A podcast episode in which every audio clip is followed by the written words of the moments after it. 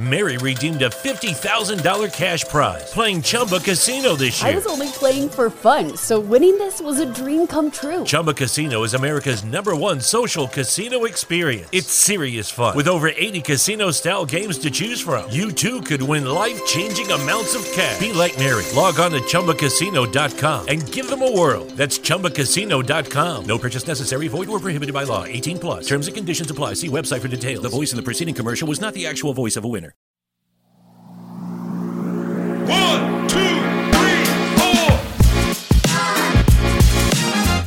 Slušate Afeže podcast, podcast Autonomnog festivala žena, prvog feminističkog festivala u Novom Sadu. Ovo je Afeže razgovara i govorni program Radna žena 24.7. Tema je Orodnjeno nasilje u kapitalizmu, muškarci kao krivci ili je stvar složenija, o kom priča Karolina Hrga iz Zagreba. Zdravo svima i dobrodošli na drugi dan našeg ovog govornog teorijskog dijela na festivalu AFŽ. Danas zapravo pričamo o jednoj, pa rekla bih, pipkavoj temi o nasilju, a naravno sa ovim, s ovim preznakom rodno ili možda bolje reći orodnjeno tu su sa nama Karolina Hrga, koja je dugogodišnja medijska i kulturna radnica, prevoditeljica te glavna urednica neprofitnog portala Slobodni filozofski. E, njezini istraživački i aktivistički interesi primarno su vezani uz feminističku političku ekonomiju i kvir marksističku teoriju i praksu.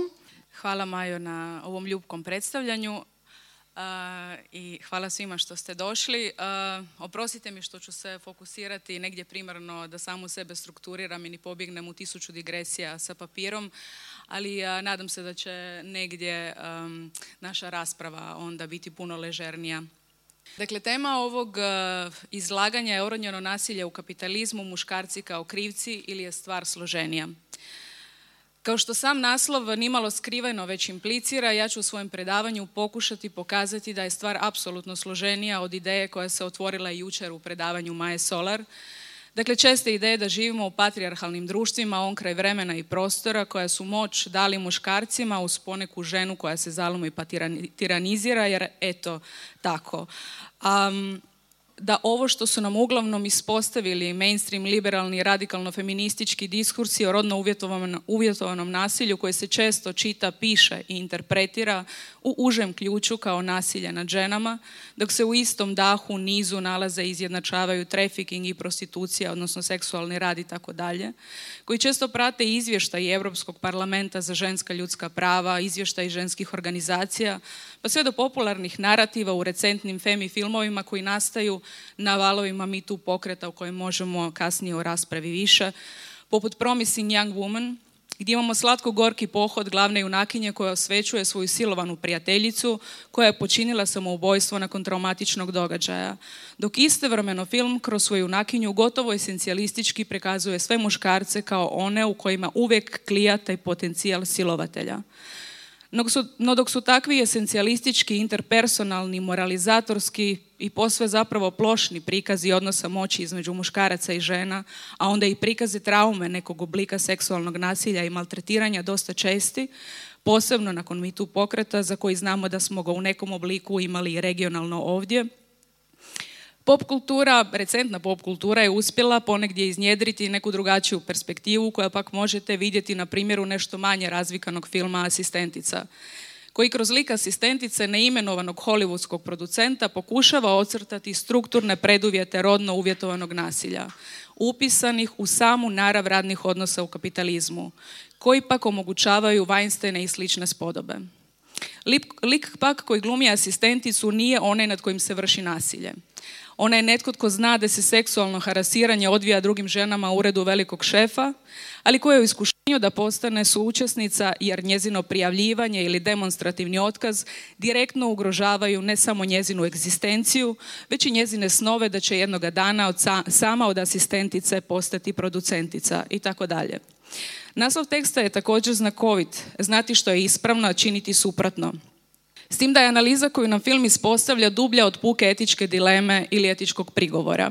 Ona se naprosto ispostavlja kao činjenica života u kapitalizmu u kojem alijenirani, atomizirani međuljudski odnosi gaje, u kojima se oni gaje u okviru tržišne kompetitivnosti i strategija metodološkog individualizma koje nam stalno i opetovano miču fokus sa šire slike stvarnosti. Zašto ustrajati na formulaciji rodno uvjetovanog nasilja ili još bolje orodnjenog nasilja, a ne nasilju nad ženama? Pa upravo zato što nas ta formulacija ili te formulacije tjeraju da razmišljamo o logici i strukturnom mjestu tog nasilja. O tome za koga je i zašto socijalizacija i naturalizacija određenih heteronormativnih, heteropatriarhalnih normi i vrijednosti koje ne nastaju u vakumu nego se materializiraju svakodnevno kroz naše obitelji, kroz institucije, kulturne obrazce i tako dalje, instrumentalna za sistem u kojem danas živimo. Zašto je to oblik nasilja koji koristi rod kao operativnu kategoriju i na koncu kako taj rod ili spol o kojem se sapličemo na konceptualnoj, odnosno teorijskoj i praktičnoj razini, postaje identitetsko mjesto koje nas opresira, normira, disciplinirava naša tijela, našu seksualnost kao žene generalno, kao cis žene, kao trans žene, kao geve i tako dalje. Na koji se način odvija socijalizacija roda, socijalizacija takozvane femininosti ili takozvane muškosti u kapitalizmu, u obiteljskim tradicionalnim nukleusima, kako se proizvodi, reproducira i legitimira nejednake odnose moći i na koncu dovodi do ekscesa i nasilja. Možda je preciznije reći režim tradicionalne obitelji koja postoji pod kapitalom jer mu je u nekoj krajnoj instanci potrebna. I stoga nas kapital usmjerava na takav način života unutar kojega nam donosi određene prednosti, socijalne beneficije, pravne zaštite i tako dalje. Možete svjedočiti različitim intervencijama danas u promjene takvih odnosa o kapitalizmu poput LGBT brakova, no oni na ovaj ili onaj način bivaju kooptirani i primorani na reproduciranje sličnih tradicionalnih rodnih odnosa i uloga. A usto što možda nije na prvu, ali zahtjeva da promišljamo, jest na koji način režimi roda u kapitalizmu opresiraju različite društvene skupine koje s nama su postoje u ovom historijskom momentu, u nekom drugom dijelu ovog globaliziranog kapitalističkog svijeta. Jer ono nešto, e, na što su nas upozorile i brojne crne feministkinje nije isto ako ste siromašna crna žena ili siromašna crna trans žena i tako dalje. Ali isto tako obje ove kategorije puno će se prije razumjeti sa bijelom siromašnom radnicom nego li s crnom ženom više srednje klase. Iako naravno nije isključeno da će i ona doživjeti iskaze rasizma samo zbog svoje boje kože. Ali nju će privilegije buržujske klase u dobroj mjeri sačuvati od daljnje patnje koje trpe crne radnice. Ali isto tako crne radnice imaju puno više zajedničkog s crnim radnicima nego li s bijelim ženama viših klasa. Dakle, stvar je puno kompleksnija i govori da se strateška savezništva u borbama za oslobođenje opresiranih skupina primarno uspostavljaju na zajedničkim interesima, a ne na to tko je kojeg roda. I tu bih mogla reći dvije riječi o kategorijama roda, odnosno spola, jer je njihovo konceptualno razumijevanje zapravo iznimno važno za za raspra daljnju raspravu o ranjenom nasilju. Za ovu prigodu ćemo potegnuti u nedaleku povijest teorijskih rasprava onih iz 60-ih, 70-ih koje su tada nastojale uspostaviti distinkciju između biološkog spola koji je nekako bio definiran našom prirodom, dok je rod smatran društveno konstruiranim i time historijski varijabilnom kategorijom.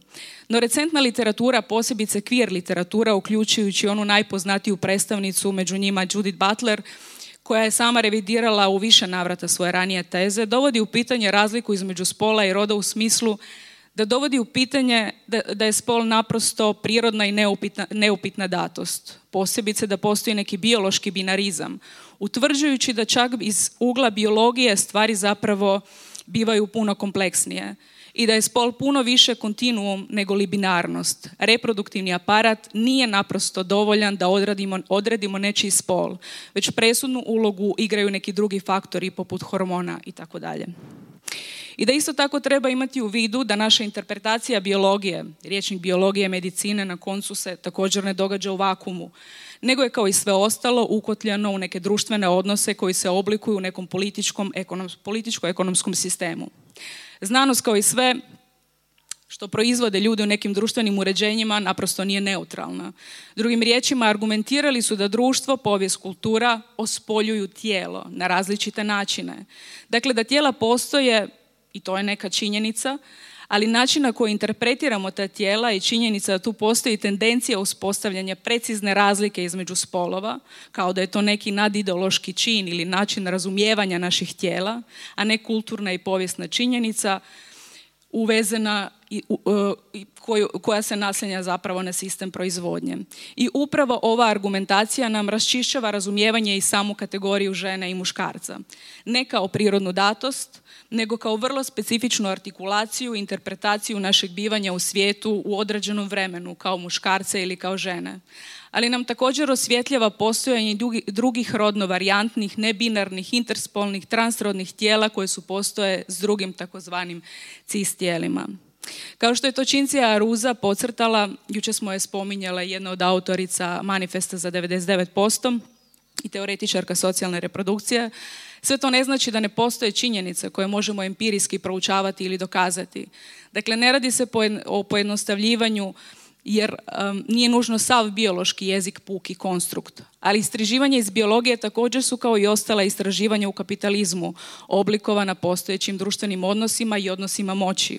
Ukazujući na primjer feminističkih biologinja koje su pokazale kako je mozak iznimno fleksibilan organ, koji se zapravo jako brzo prilagođava, ali da se oblikuje socijalizacijom. Tako da razlika koju će neke reakcionarne, konzervativne biologinje ili feministkinje tumačiti kao stvar puke prirode, zapravo je pitanje utjecaja kulture i društva te dokaz ogromne fleksibilnosti našeg mozga. Sada kada smo ogolili malo konstrukte roda i spola s kojima se često loptaju radikalne feminiskinje koje oblikuju dominantni narativ ukotljen u reakcionarni i suštinski, suštinski konzervativnom razumijevanju rodno uvjetovanog nasilja i koje zapravo uvijek prati liberalni modus operandi, a to je naslanjanje na liberalne, represivne i restorativne mehanizme kapitalističke države i koje rješenje zapravo traže u jačim represivnim mehanizmima, boljim zakonima, bez da propituju sam sistem koji proizvodi te zakone i mehanizme bez da propituju narav tog nasilja i mjesta na kojima se ono proizvodi i oprirodnjuje. On kraj esencijalističkog upiranja prstom u muškarce i njihove penise kao klase opresora po sebi. Pa sukladno tome izbacuju trans žene iz svojih WC-a, služeći se slažući se sa liberalnim feminiskinjama da se borbu za oslobođenje žena treba graditi sa svim ženama. Samo zato što su žene. Što zapravo ne samo da promašuje eh, metu, nego ceo futbal. I tu dolazimo do još jednog koncepta kojeg smo jučer spominjali, a koji se često nekritički koristi, a to je patrijarhat. U svojem tekstu primjetbe o rodu, čiji prijevod postoji na srpskom, Čincija je da je presjek različitih feminističkih perspektiva koji su protekli, koji su protekli desetljeća na različite načine koristile i teoretizirale koncept patrijarhata ili sintagmu patrijarhalnih odnosa.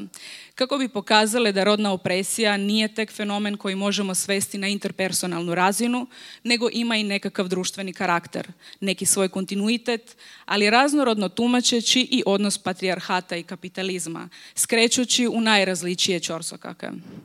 Juče ste mogli čuti koliko god možda na prvu komplicirano zvučalo da, da postoje različiti feminizmi koji, koji su međusobno suštinski suprotstavljeni i da njihova suprotstavljenost nije banalna odnosno da različito tumačenje i teoretiziranje određenih konceptualnih kategorija ima direktne implikacije ne samo na strategije borbe za oslobođenje i emancipacije žena, nego i različite posljedice i rezultate rezultate borbe. Nije isto ako se borite za prava glasa, kao što smo to jučer čule, samo bijelih žena sa imovinskim i obrazovnim cenzusom, ili ako se borite za pravo glasa svih žena neovisno o imovinskom i obrazovnom cenzusu i ako se zalažete da tu budu i crne i smeđe žene. No da se vratimo na Činsin eh, spomenuti tekst. Ona nadalje ukazuje na tu debatu koja je trajala 70 i u prvoj polovici 80 godina i koja se odvijela između materialističke stroje mišljenja i marksističkog feminizma. Debata se zapravo vodila oko dva pitanja. Je li patrijarhat autonomni sistem? Je li ispravno tim terminom označiti rodnu opresiju? I te su debate klizile od esencijalističkih interpretacija do dehistorizacije roda pa sve do izbacivanja klase i kapitalizma iz analize. I u tom kontekstu različite feministkinje i teoretičarke, pa i one koje su se nazivale socijalističkim, priklanjale su se najčešće dualnoj ili trosismenskoj teoriji, izjednačavajući različite sisteme poput rodne i rasne, opresije sa klasnom eksploatacijom. Zašto je ovo važno?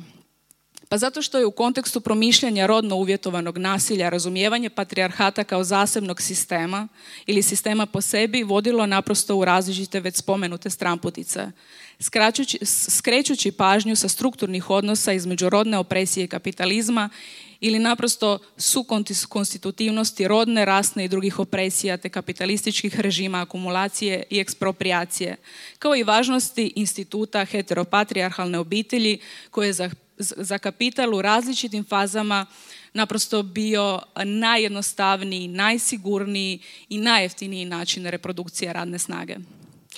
Ona će uz ove manjkave perspektive navesti i perspektivu koju je promovirao i dio marksista i marksistkinja koju smo također juče otvorili. A to je da je kapitalizmu za proizvodnju viška vrijednosti važno radništvo neovisno je li ono rodno, rasno ili nekako drugačije diferencirano. I dok se na nekoj abstraktnoj razini analize kapitalizma možda s tim možemo i složiti, čim krenemo u historijski realne verzije kapitalizma vidimo da to naprosto ne stoji. Dovoljno je usvrnuti se na historijat rasizma u Americi i vidjeti da je prvobitna akumulacija kapitala velikog imperija došla od robovskog rada crnih ljudi u sustavu u kojem su crne žene također na vrlo specifičan i dvostruki i trostruki način bile ugnjetavane. Pa je tako jedna od crnih teoretičarkih Rode Redok u svojem radu o položaju žena na Karibima u vrijeme robovlasništva ukazala da su se kolonizatori drugačije odnosili prema svojim ženama u odnosu na žene podjarmljenog naroda. Buržovska klasa domesticirala je svoje žene u čiste, monogamne uzgajivačice svojih nasljednika, isključene iz svijete rada osim unutar kućanske sfere i od prava na vlastitu imovinu, dok je ropkinjama na Karibima dugo bilo zabranjeno udavati se i rađati djecu jer je bilo jeftinije uvoziti robove nego li financirati reprodukciju robovskog rada. Ovo je jedan od historijskih primjera koliko je reproduktivni rad na različite načine uvezan u rasnu i rodnu opresiju. Kao i outsourcanje socijalno-reproduktivnog rada po potrebi, no jedno i drugo je indirektno sudjelovalo u proizvodnji viška vrijednosti i akumulaciji kapitala kroz povijest. Odnosno, postaje nam jasnije da se strukturna dimenzija rodno uvjetovanog nasilja da je imala svoje različite manifestacije ili iznimno važnu funkciju. Dakle, ja ovdje ne zagovaram da odbacimo, ja ovdje zagovaram zapravo e, kao i e, brojne teoretičarke socijalne reprodukcije da odbacimo dualne i više sistemske teorije te da orodnjeno nasilje promišljamo kroz unitarnu teoriju socijalne reprodukcije koja nije reduktivna ni ekonomistička kako joj se često spočitava kao i brojnim marksističkim feminizmima, nego od nas naprosto traži da prestanemo razmišljati o kapitalizmu kao skupu čistih ekonomskih zakona. Nego traži da ga razumijemo kao e, kompleksan društveni poredak koji se sastoji od odnosa eksploatacije, dominacije i otuđenja, unutar kojeg je rodno uvjetovano nasilje dio dinamike kapitalističke akumulacije, koja kontinuirano proizvodi, reproducira, mijenja i obnavlja hijerarhijske i opresivne međuljudske odnose.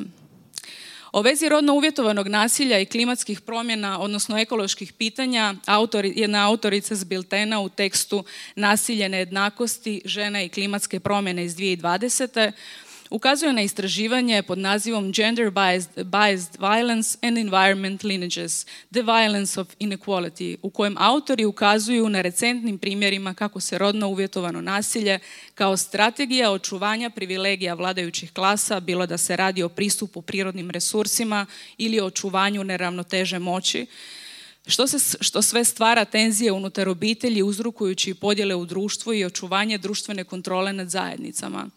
I s takvim oblicima rodno uvjetovane opresije posebno se suočavaju domorodačke žene autohtonih naroda, jer su upravo ove zajednice prve na liniji rata za očuvanje okoliša. Autori te studije dodatno naglašavaju da se tim metodama koriste često i međunarodne korporacije, putem lokalnih ljudi na njihovim platnim listama, pa jedan od primjera i žena koja radi na plantaži palminog ulja u Liberiji, koja kaže Muškarci zaduženi za zapošljavanje i nadgledanje najamnih radnika, takozvani contract heads, redovno traže seks prije nego što ženama daju posao. Ili isto tako često traže seks nakon što su one svoj posao odradile, ali prije nego što su za njega dobile plaću. Ako žena nije spavala sa šefom, za, eh, ako žena nije spavala sa šefom za plaću, njezino ime se jednostavno neće pojaviti na platnoj listi ili će dobiti znatno nižu plaću. Ako je ženi pak istekao ugovor, a ona želi novi, mora ga platiti seksom. Ženama koje odbiju seks, seks prijeti se ne samo otkazom, nego i nemogućnošću dobivanja novog posla u okolici. To su sve primjeri kako rodna i rasna opresija nisu izvenske niti incidentalne historijskim oblicima kapitalizma. Niti je klasa po sebi neutralna instanca. Ona je naprosto uvezana u različite opresije koje se prelamaju preko naših tijela, koje se discipliniravaju na različite načine svakodnevno bivajući driveri profita. I zato je naprosto ključno ono što smo jučer spomenuli, um, odlučiti se za feminizam koji će u svojoj potki biti antikapitalistički. Također imate i primjere kada se kapital koristi i ne biološkim funkcijama roda. E, primjer koji uvijek e, volim spomenuti, a čula sam ga od e, teoretičarke socijalne reprodukcije Titi Batačarije, kaže ovako, pakistanska vlada je prije nekoliko godina, intervju je bio prije prije možda 3-4 godine, znači to je zapravo relativno recentan primjer. Znači, pakistanska vlada je dopustila trans ljudima da promjene oznaku roda u svojim putovnicama. I dok istovremeno imate eksploziju transfobije u Britaniji, u Americi, mislite, evo, pravna država, nešta radi u Pakistanu. Rekli bismo bravo. No pakistanska vlada je bila još malo dobrostiva pa je odlučila za teško zapošljivu jednu od najugroženijih skupine ljudi kao što su trans osobe rezervirati i radna mjesta u javnim službama. Pa znate li koje su to radna mjesta bila? Zapošljavali su ih kao inkasatore duga i poreza koji su to radili od vrata do vrata. Tako da svoju mržnju prema sistemu još jednom možete preusmjeriti na trans osobe a ne razmišljati o kapitalu. Kao što se širom svijeta instrumentalizira migrantski rad koji se predstavlja kao prijetnja našim radnim mjestima, no dok su migranti i migrantkinje iz raznih razloga primorane otići ili bježati iz svojih zemalja u potrazi za minimumom egzistencije ili naprosto da bi sačuvali živu glavu, kapital ih koristi kako bi nastavio rušiti cijenu radne snage i srozavati radne uvjete. Stoga kapitalistički sistem mora kontinuirano proizvoditi nejednakosti i antagonizme i stalno iznalaziti nove načine. Vratimo se još časak na koncept patrijarhata i već spomenutu rasprostranjenost ideje kako se radi o samostalnom sistemu koji ugnjetava žene od vajkad i prije kapitalizma. Pa da, treba reći da se rodna opresija nije rodila u kapitalizmu. Ona se na različite načine i u različitim oblicima pojavljivala u različitim eksploatativnim sustavima, sustavima poput feudalizma, u robovlasničkom sistemu i tako dalje. Ali to nam samo ukazuje na slične, ali i različite načine, načine instrumentalizacije roda ili rase. Primjerice, treba reći da su u nekim agranim društvima Patriarhalne obitelji direktno činile jedinicu proizvodnje sa sredstvima za preživljavanje, ali u kapitalističkim društvima se to mijenja. Patriarhalni odnosi ne organiziraju proizvodnju direktno, no nastavljaju igrati važnu ulogu u podjeli rada sve ono što ste čuli i jučer na predavanju o socijalne reprodukcije. Obitelj je primarno, iako jedno, iako, obitelj je primarno, iako jedno od mjesta na kojima se odvija reprodukcija radne snage, skrajnuta u takozvanu privatnu sferu u kapitalizmu gdje se naturalizirala ogromna količina neplaćenog uglavnom rada žena, koje se neprestano odvija zapravo za kapital. Dakle, ako u nekom smislu i možemo reći da da je patrijarhat igrao direktnu ulogu u organizaciji proizvodnih odnosa, to možemo reći zagrana društva. Jer u kapitalizmu to prestaje biti tako sa ekspropriacijom zemlje koja je razdvojila dijelove stanovništva od njihovih sredstava za proizvodnju i preživljavanje, transformirajući pritom proizvodne odnose koji su potom s tubokom transformirali obitelj i druge društvene odnose, uključujući i same odnose dominacije, dakle rodne uloge, pitanje seksualnosti i tako dalje. Rodna opresija je postojala i prije, kapitalizma, ali za razliku od brojnih feministkinja drugog vala, koji danas tvrde da, rodna opresija, da je rodna opresija transhistorijska činjenica, upravo historizacijom roda, rodnih odnosa, seksualnosti, vidimo da je na specifične načine postojala prije kapitalizma kroz oblike primitivne akumulacije, kao i da je poprimila vrlo specifične oblike danas u suvremenom kapitalizmu. Ali isto tako možemo vidjeti da počinjavanje žena nije oduvijek postojalo, jer već znamo da nije postojalo u nekim besklasnim društvima, gdje je rodna opresija započela tek sa kolonizacijom. A posljedice kolonizacije, imperializma, pljačkanja prirodnih resursa od strane kapitalističkih država, pritisak globalne tržište ekonomije, i tako dalje, naprosto su izvršili ogroman utjecaj na društvene odnose, pogoršavajući pritom i eksploataciju žena i rodno uvjetovanog nasilja, ali na puno sofisticiranije načine.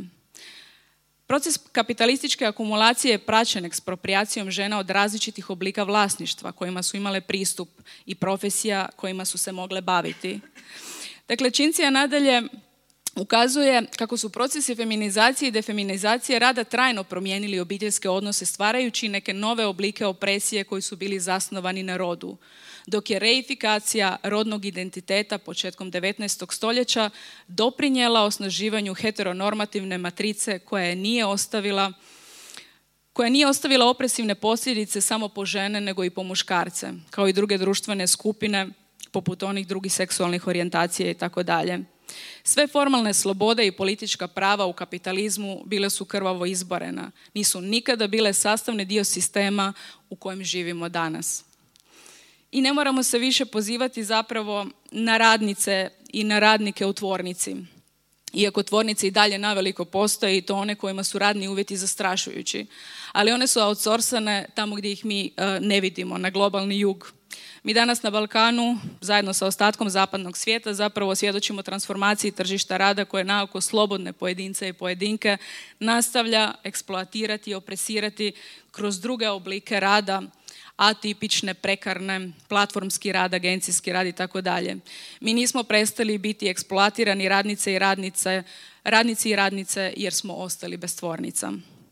Dakle, ono što želim reći, ovo su bili samo nekakvi um, okvirni nabačaj u pokušaju ocrtavanja historijsko-materialističkih okvira rodne opresije, koji se manifestiraju u kapitalizmu na najrazličitije načine, kroz interpersonalne oblike seksualnog ili obiteljskog nasilja, maltretiranje u kojima čitamo o crnim kronikama, svjedočimo kao žene, kao LGBT osobe i tako dalje svakodnevno, no sve to nije dovoljno svesti na ekscese nekog abstraktnog patrijarhata koji je dio naše kulture, naše civilizacije.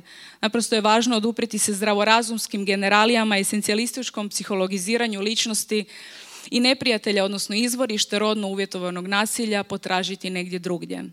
Ono se nalazi u strukturnim dimenzijama sistema u kojem živimo i sistema kada se maknemo sa visokog nivoa abstrakcije, kapitalizira na proizvodnji, reprodukciji, nejednakosti, hierarhiziranim odnosima, antagonizmima, alijenaciji, atomizaciji, kontinuiranom počinjavanju po različitim osnovama našeg postojanja. I to čini najvećem broju radništva, uključujući i muškarce. I kao što je to kvijer Marksiskinja Holly Lewis u jednom intervju za Slobodni filozofski rekla, Teško mi je razumjeti da nakon što je cijeli drugovalni feminizam skandirao žene ne smiju biti svedene na svoja tijela. Sada ponovno u jeku ultrakonzervativnog zaokrata koji povijest je već pokazala uvijek jača u ekonomskim krizama, udarajući po reproduktivnim pravima, LGBT pravima i životima drugih manjina, brojne feministkinje posebice radikalno feminističke provinijencije skandiraju da žene treba svesti na njihova tijela. Kao marksističke feminiskinje, kao kvir marksističke feminiskinje naprosto moramo biti sposobni i sposobne razumjeti materijalnost naših tijela unutar kompleksnosti društvenih odnosa u koje smo uranjeni. Bića smo koje žive u materijalnom svijetu koji je sazdan od materialističkih društvenih odnosa. Naši rodovi su njihov produkt i ne mogu biti svedeni na određene dijelove tijela. Također, Oslobođenje i emancipacija žena je uvezana u emancipaciju i oslobođenje muškaraca, kao i obrnuto. Odnosno, da budemo, da budemo preciznije i ne zapadamo u puke binarizme, za nas najveći broj radnika i radnica, naša su oslobođenja međusobno sukonstitutivna, kao što su i naše opresije. Zato separatistički prostori, separatistički feminizmi i pokreti nemaju što raditi u progresivnim lijevim politikama, teorijama, praksama i pokretima treba na tragu onoga što je još jedna teoretičarka socijalne reprodukcije spomenuta Titi Batečarija naglasiti. Potrebno je razumjeti da mi danas ne živimo pod čizmom starog bijelog muškarca. Mi danas živimo u puno strašnijim vremenima gdje žena zagovara bombardiranje Afganistana. Crna žena zagovara zatvaranje crnih ljudi. Samoprozvani kvir influenceri zagovaraju prava koja direktno ugrožavaju kvir živote i tako dalje.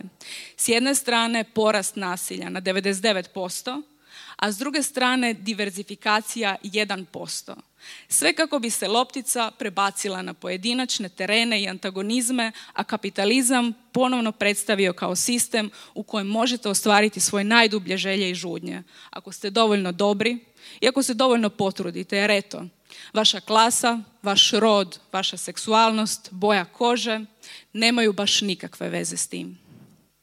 I zaključila bih na, tragu onih savezništava koje smo jučer također spominjale. Postoji li tu neki kontinuitet zajedničkih borbi, trebamo li uvijek imati razumijevanje za transgeneracijske veze i tako dalje.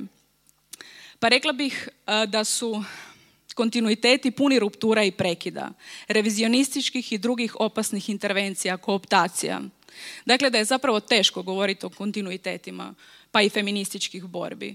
Što želim reći? Moji rani feministički autoriteti, kao i kolegica jučer, Također su bili dijelom vezani uz radikalne i liberalne feminiskinje, jer su one naprosto dominantni oblik feminizma i teoretičarki koje su dotakle staklene stropove u neoliberalnim akademijama, fakultetima, umjetničkim prostorima i tako dalje. Jer je to naprosto i dalje dominantna proizvodnja znanja u koju smo uronjeni gdje god da se okrenemo. Ali isto treba konstatirati da se paradigme mijenjaju, da nam ponekad ne, treba vremenska distanca od pola stoljeća ili više da bismo vidjeli propuste, manjkavosti teorija i praksi naših prethodnika i prethodnica, naših autoriteta.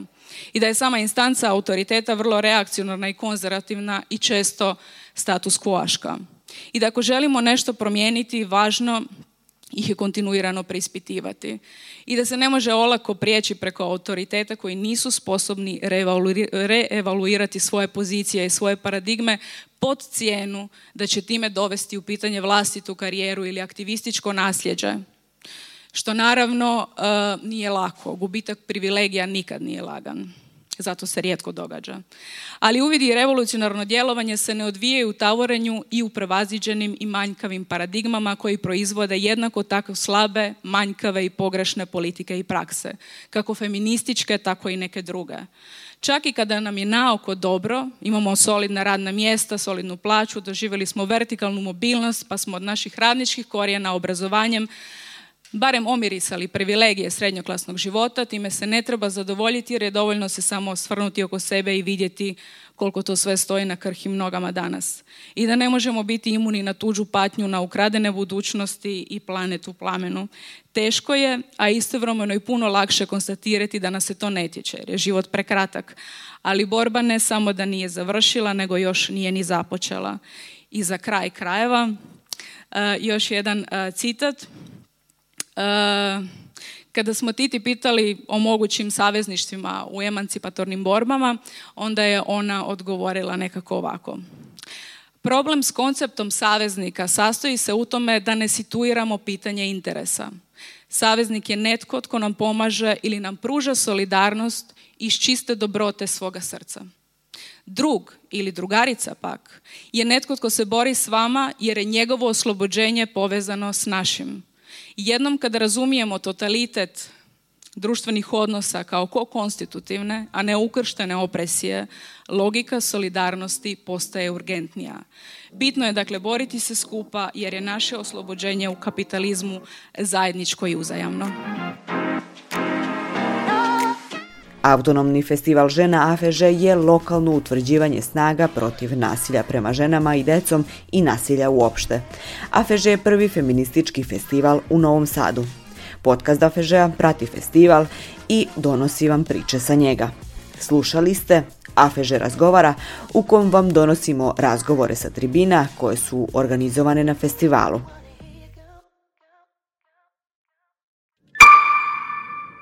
Produkcija Fabrika kreativnosti Mary redeemed a $50,000 cash prize playing Chumba Casino this year. I was only playing for fun, so winning this was a dream come true. Chumba Casino is America's number one social casino experience. It's serious fun. With over 80 casino style games to choose from, you too could win life changing amounts of cash. Be like Mary. Log on to chumbacasino.com and give them a whirl. That's chumbacasino.com. No purchase necessary, void, or prohibited by law. 18 plus. Terms and conditions apply. See website for details. The voice in the preceding commercial was not the actual voice of a winner.